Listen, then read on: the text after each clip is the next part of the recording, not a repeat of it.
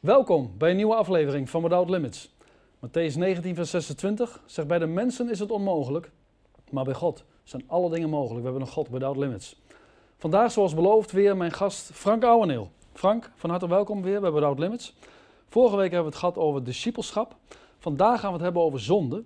En eh, ja, nu komt er een leer over Nederland, dat is al een tijdje gaande. Uh, waarin ze zeggen dat je hoeft je zonde niet meer te beleiden. Jezus is daarvoor aan het kruis gestorven. Ook je toekomstige zonden zijn al vergeven. Bij mij komt het over als oké, uh, er is iemand die een moord pleegt of iemand verkracht, maar die hoeft dat niet te beleiden. Die komt toch wel in de hemel, want Jezus heeft ook die toekomstige zonde, wat je ook doet, al vergeven. Wat vind je daarvan? Uh, nou, dat is, dat is hetzelfde als dat, um, als dat ik een, oom heb die uh, politieagent is. En die mij voor mijn verjaardag een, een waardebon geeft voor alle bekeuringen in de toekomst. Dus dan zegt hij tegen mij, luister eens, als je nou weer een bekeuring krijgt, die wordt aangehouden, laat je gewoon even dit certificaat zien, dan mag je doorrijden. Dus um, dat is hetzelfde, ook onzin. Dat, dat Jezus is, er staat in de Bijbel dat de Heer Jezus heeft het uh, zondeprobleem opgelost. Maar er is een groot verschil tussen zonde, als de oorzaak van alle ellende, en de zonden de zondige daden. Ja. Als dit waar zou zijn, dan zou er niet in 1 Johannes 1 hoeven te staan, indien wij onze zonden beleiden, God is getrouw en rechtvaardig om ons te reinigen van al onze ongerechtigheid. Dus eh, zonden moet ik beleiden, anders eh, worden ze niet vergeven en staan ze tussen mij en God in en raak ik steeds verder van God verwijderd.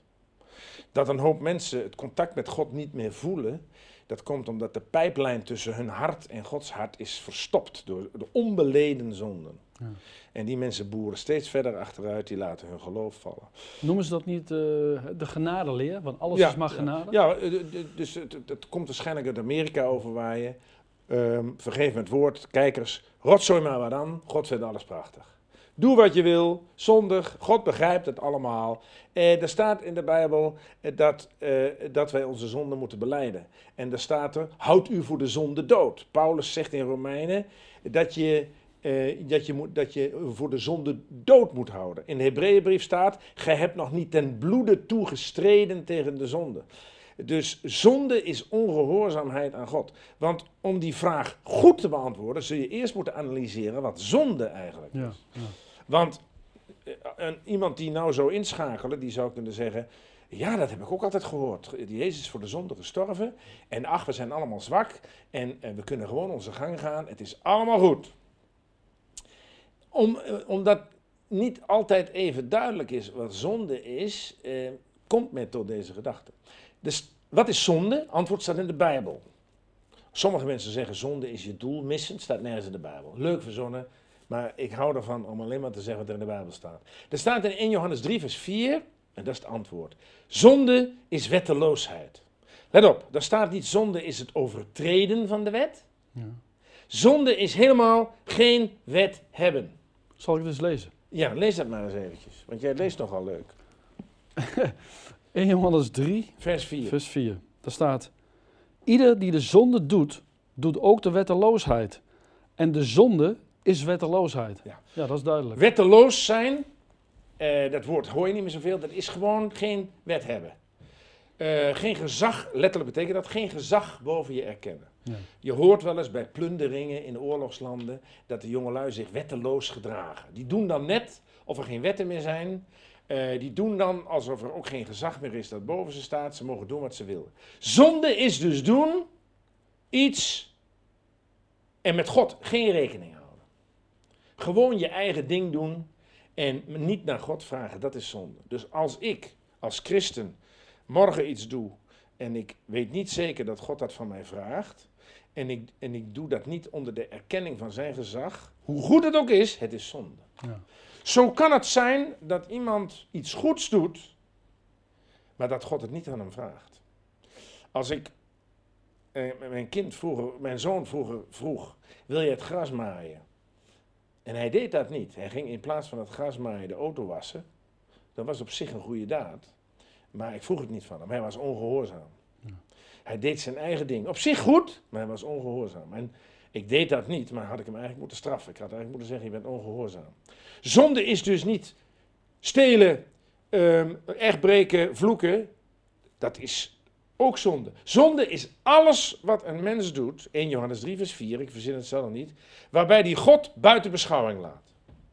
Ook al is dat wat hij of zij doet nog zo goed. Het kan zelfs ongehoorzaam zijn, terwijl het op zich een goede daad is. Zoals mijn zoon, de auto wassen, is op zich een goede daad, maar is ongehoorzaamheid. Dat is zonde. Wij houden dus bij zonde eigenlijk alleen maar rekening met de tien geboden. Uh, stelen, dat is duidelijk zonde. Nee, ook de zogenaamde goede dingen kunnen ongehoorzaamheid zijn. Er staat in Prediker 7, een mens kan geen goed doen zonder te zondigen. Dus sommige mensen doen in onze ogen goede dingen, maar het kan zijn dat er toch ongehoorzaamheid is aan God. En dan moeten wij voor God beleiden. We moeten zeggen: God, ik heb vandaag dingen gedaan die op zich best goed waren, maar ik heb met u geen rekening gehouden. Ik deed het allemaal uit mezelf. Ik, ik luisterde alleen naar mijn eigen stem, maar ik, ik heb dat gedaan zonder u daarbij te betrekken. In de, in de Bijbel is dat zonde. God, ik wil dat voor u beleiden. Ja.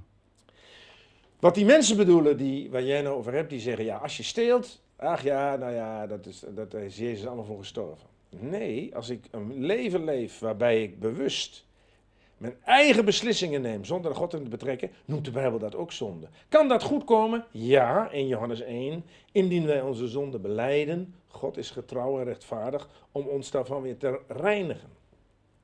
En dus om dit onderwerp goed te behandelen, moet je eerst bepalen wat zonde is en hoe de zonde in de wereld gekomen is en, en, en, en, en waarom God dat heeft toegelaten en hoe dat probleem weer is opgelost. Ja, want hoe is de zonde in de wereld gekomen? Uh, de meesten zullen dat wel weten, maar misschien zijn er ook kijkers hè, die op dit moment kijken die dat niet weten. Ja, nou, dan wil ik eerst even wijzen op een dvd die wij daarover hebben. Die heet Zonde en Dood. Uh, je kunt zeggen, nou dat is geen leuk onderwerp. Is het ook niet, maar wel een belangrijk onderwerp. Als jij het kruis van Golgotha echt wil begrijpen, zul je eerst moeten weten wat zonde en dood is. Dus we hebben daar een dvd over. Ook weer met PowerPoint presentaties. Die kunt u bestellen op www.frankouweneel.nl. Maar hoe is de zonde in de wereld gekomen? Nou, heel simpel. Het was niet zo dat Adam en Eva uh, elkaar te lijf gingen of gingen vloeken. Adam en Eva, die deden op zelf iets heel gewoons. Ze aten van een vrucht. Maar ze waren ongehoorzaam. God had gezegd, luister eens even, ik zet hier 10.000 bomen neer. Uh, van 9.999 mag je eten, alleen van die ene mag je niet eten. Was dat nou zo moeilijk? Was niet moeilijk. Um, waarom deed God dat? God had ook mensen kunnen maken aan een afstandsbediening. Gewoon, nou ga je dit doen, ga je dat doen, ga je zus doen, ga je zo doen. God had poppetjes kunnen maken aan een touwtje. Maar had, God is een God van relaties. God heeft mensen geschapen en heeft zijn liefde in hun harten uitgestort. En God heeft afgewacht hoe zij die liefde zouden gebruiken. Want God is een God van relaties. Uh, het zou geweldig geweest zijn als de mens God gehoorzaam zou zijn gebleven. Maar de mens heeft die wil gebruikt om zijn eigen ding te doen. We eten lekker toch van die vrucht. Was dat nou op zich zo erg? Nee. Maar het was bewust God buiten beschouwing laten. Het was bewust iets doen waarvan ze wisten, hier doen wij God verdriet mee. Ja, wisten ze dat? Ja, want God zegt, ten dagen dat gij daarvan eet, zult gij sterven. Maar ze hadden er misschien niet over nagedacht. Uh, jawel, want, uh, God, want God had ze gezegd dat ze er vanaf moesten blijven. Ja, maar ik bedoel, als je het leest, dan lijkt het toch alsof ze heel makkelijk, hè, uh, zonder er na te denken, toch gewoon van die vruchten eten. Ja, ze denken er wel even over na van, oh, zou dat zo zijn? Hè, wat, wat de slang tegen hen zegt. Ja, maar daar noem je hem. Want de, de, de, de, de problemen waren ontstaan niet zozeer door Adam en Eva, maar door de slang. Want laat ik het zo zeggen, ze werden vrij makkelijk misleid. Dat bedoel ik eigenlijk. Ja, nee, maar je moet even teruggaan, want je hebt hem even genoemd, naar die slang. Uiteindelijk is de zonde in de wereld gekomen omdat de Satan verbazend goed wist, want die kende God en hij was zelf ook geschapen met een vrije wil.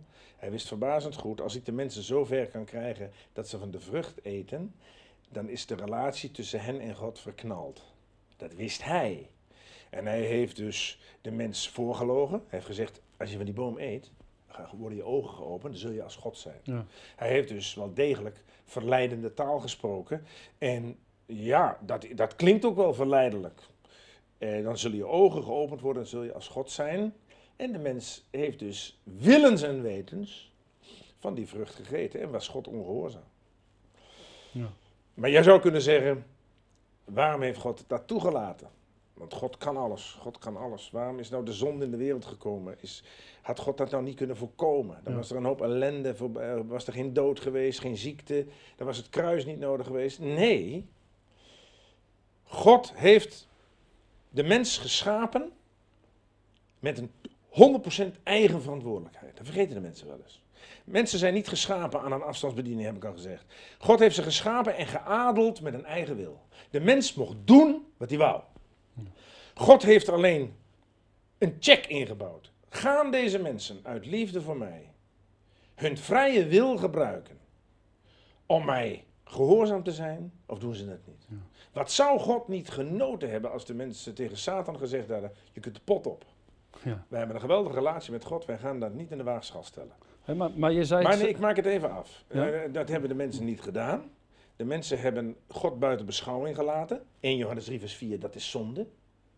En de mensen hebben naar hun eigen wetten geluisterd. Ik doe wat ik leuk vind, ik eet van die vrucht. En God heeft dat toegelaten, maar hij heeft het probleem ook opgelost op het kruis Ja. van Golgotha. Ja. Nee, uiteraard. Hè, je zei het zelf van, had God die zonde niet kunnen voorkomen? Ik kan me voorstellen dat de mensen kijken en die zeggen van, ja, maar God weet toch alles van tevoren? Ja, maar dat wil niet zeggen eh, dat het eh, zo ook gaat. Eh, ik weet dat ik morgenavond eh, ga ik naar eh, iemand opzoeken in het ziekenhuis. Eh, dat heb ik me voorgenomen, maar er kunnen morgen allerlei dingen gebeuren waardoor dat allemaal anders gaat lopen. God heeft zich in de Bijbel heel wat keren laten verbidden. God wilde Nineveh omkeren, maar eh, eh, God deed het niet. Ja. God weet alles van tevoren. Eh, maar dat wil niet zeggen dat alles van tevoren zo gaat. Wij weten niet wat God allemaal van tevoren weet. God weet dus dat hij een bepaald besluit neemt. God weet ook dat er iemand zal zijn die hem zal verbidden en dat God erop terugkomt. Maar dat is Gods zaak. Ja. Dus als jij zegt God weet alles van tevoren, dat is Gods zaak, ja. Maar dat wil niet zeggen dat het ook zo gaat. God weet alles van tevoren, maar toch kunnen dingen anders gaan lopen. En dat weet God ook van tevoren. Ja. Maar de mens heeft een verantwoordelijkheid, dus wij moeten bij het onderwerp blijven. Zonde is de verantwoordelijkheid van een mens. Een mens heeft een eigen wil en eh, wordt geacht in dat, al zijn beslissingen eh, God te betrekken. Doet hij dat niet, neemt hij zijn beslissing zonder daarbij God te betrekken, noemt de Bijbel dat zonde, ongehoorzaamheid. Ook al doet hij of zij op zijn beurt iets geweldigs. En daarom is zonde niet een vrij, eh, daarom is het kruis niet een vrijbrief om maar door te gaan. Want wat heeft de Heer Jezus op het kruis gedaan? Hij heeft op het kruis gezegd: God, ik begrijp dat u ontzettend boos bent. Ik begrijp dat u ontzettend boos bent door die miljoenen mensen die allemaal naar u zo hebben gedaan. Ik begrijp dat u boos bent. Ik, ik, ik, u mag al uw boosheid daarover op mij loslaten.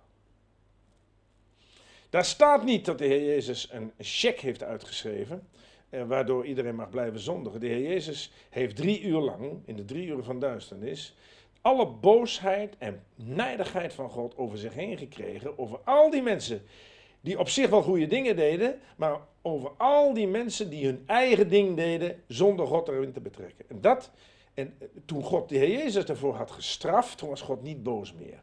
Maar God zegt, iedereen die, die tot Jezus gaat, die geef ik vergeving. Maar hij wordt wel geacht mij te gehoorzamen. Ja. Wij worden in de Bijbel opgeroepen om te gehoorzamen. Eigenlijk kun je zeggen, we hebben het vorige week gehad over gehoorzaamheid. Zonde is ongehoorzaamheid. Ja.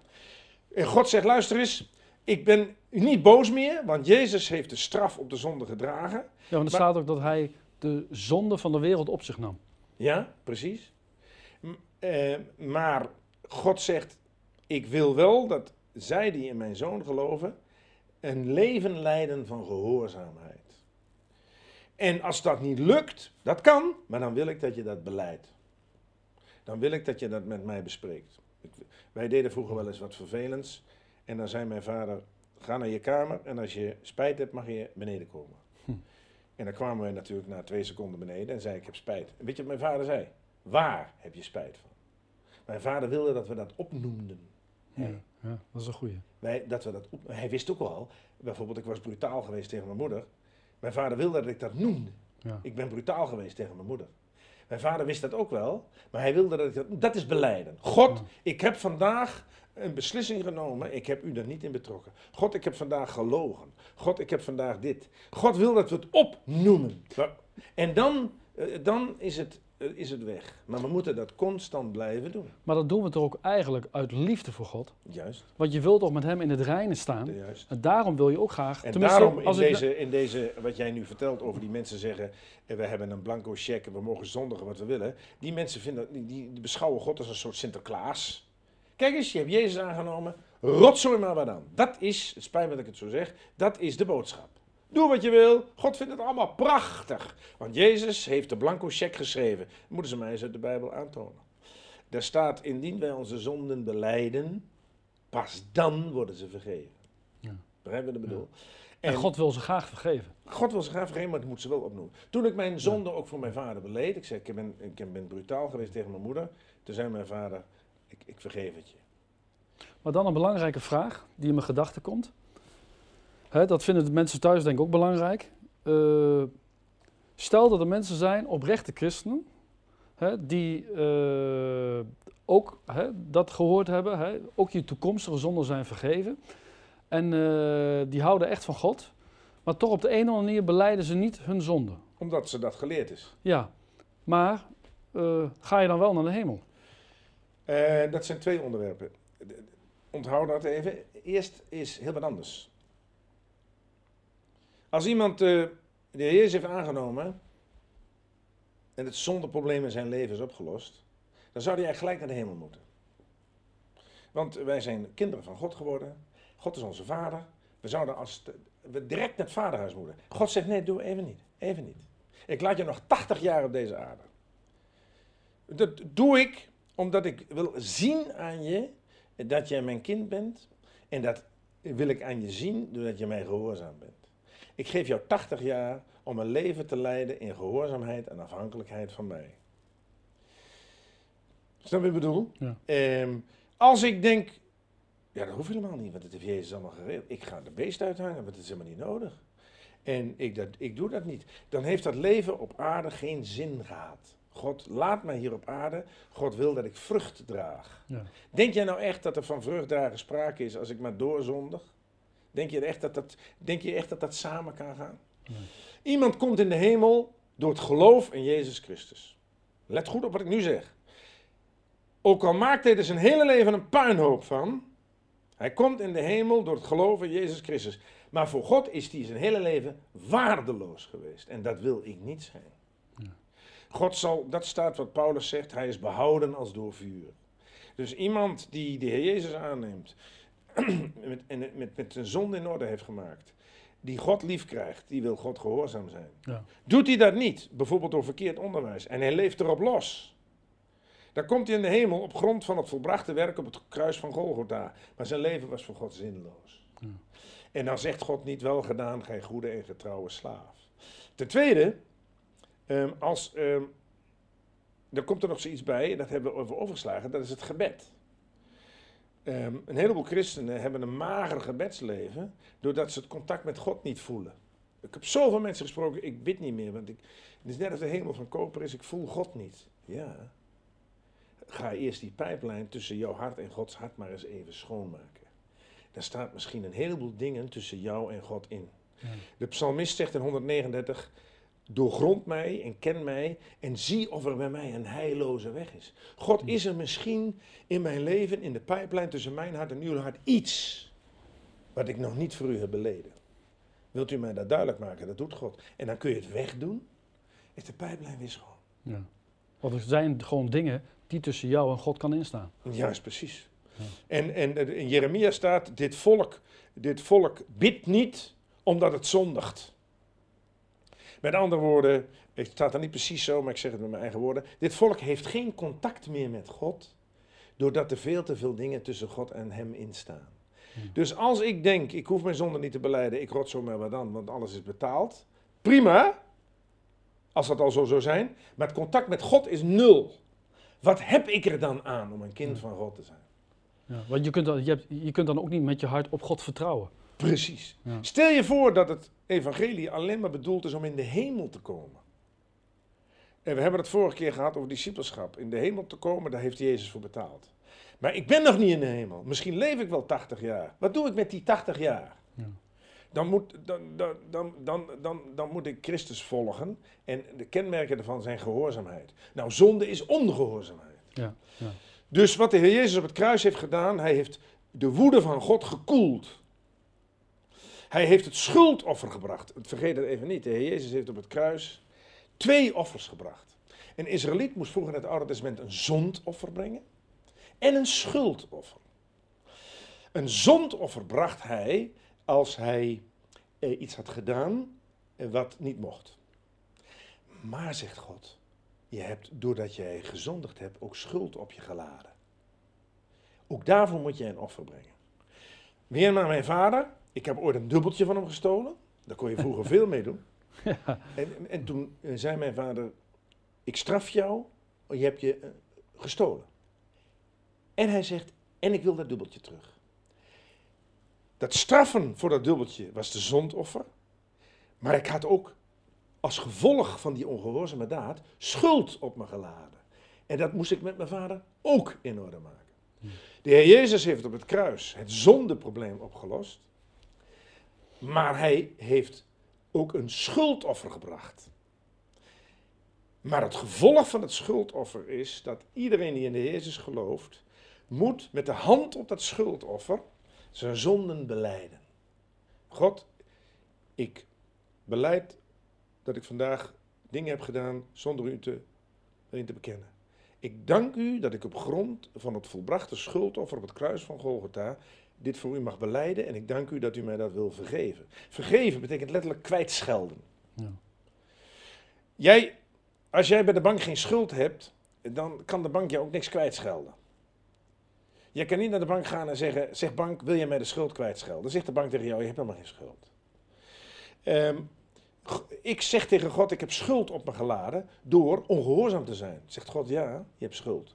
Maar op grond van het, het feit dat de Heer Jezus op het kruis het schuldoffer heeft gebracht, mag jij deze zonde beleiden, is die weg. Ja. Gezegd gaat, is, staat er, is God getrouw, dat doet hij er steeds weer, en rechtvaardig om ons te reinigen en te vergeven. Wat betekent dat rechtvaardig? God zegt, Frank, jij beleidt deze ongehoorzame daad. Ik zeg het nu zeg heel eerbiedig. Ik ben het aan het schuldoffer van de Heer Jezus nu verplicht om jou te vergeven. De Heer Jezus heeft het schuldoffer gebracht. Hij heeft alles betaald. Nu je het beleden hebt, is het je pas vergeven. Ja, maar dat vind ik wel een mooie openbaring. Ja, wat een schuldoffer, wat was Ja. het schuldoffer? Als een Israëliet een schuldoffer bracht, dan moest hij een vijfde daaraan toevoegen. Hij had een bepaalde schuld opgebouwd, maar hij moest er 20% bij doen. De Heer Jezus heeft op het kruis God meer terugbetaald dan wij God schuldig waren. Wij hadden God een miljard zonde schuldig, maar de Heer Jezus heeft er 20% bij gedaan.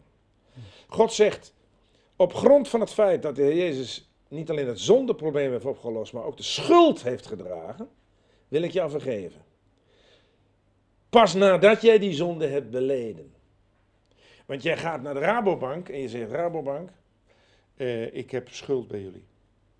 600 gulden, 600 euro. Willen jullie mij die kwijtschelden? En dat zal de bank niet doen. God doet dat. God, ik heb schuld op me geladen. Ik heb gelogen vandaag. Hm. Wilt u mij dat kwijtschelden? Wilt u mij dat vergeven? Zegt God ja, eh, op grond van het schuldoffer. Ja. Dus wat die mensen bedoelen, dat komt wel ergens vandaan. Maar eh, ze zeggen, de Heer Jezus heeft de schuldoffer gebracht, dus de schuld is betaald. Ja. Maar in Johannes 1 leert mij dat dat pas gebeurt als ik ze beleden heb. En het voordeel van zondebeleiden is dat ik ze de morgen niet meer doe. Eh, als, je, als je stelkens elke dag dezelfde zonde moet beleiden, hè? stel je voor dat je ma maanden achtereen eh, dezelfde zonde beleidt, dan word je voorzichtiger. Dan ga je ook secuurder leven. Dus zonde beleiden is heel belangrijk voor het niveau van je geestelijk leven. Maar je hebt de garantie dat God je ze vergeeft. Maar er zijn. God heeft niet iets vergeven wat je niet hebt beleden. Die staan als een bult tussen jou en God in en vertroebelen het contact tussen jou en God. En dan moet je niet gaan zeuren van God is toch liefde? Ja, ja maar God is ook rechtvaardig. Ja. ja. En wat is het gevolg, hè? Wat zijn de gevolgen van de zonde? Van de zonde van Adam en Eva? Ja. Nou, de dood. Adam en Eva, Adam, Adam, eh, Adam en Eva hadden niet hoeven sterven. Dus God zegt, eh, luister eens even, ik waarschuw je. Als je van de boom eet, sterf je.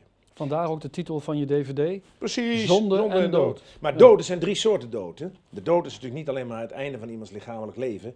Want eh, Adam leefde daarna nog 930 jaar. Maar het is het scheiden van God. Gescheiden van God. Ja. Ja. Dus eh Efeze 2, dood en zonde en misdaden. Dan heb je de lichamelijke dood.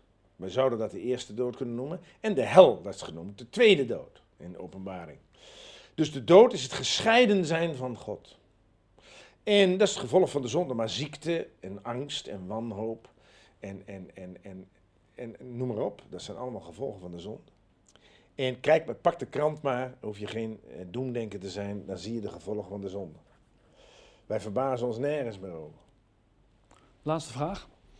Wat betekent de uitdrukking op het kruis van Golgotha is het zondeprobleem opgelost? Ja.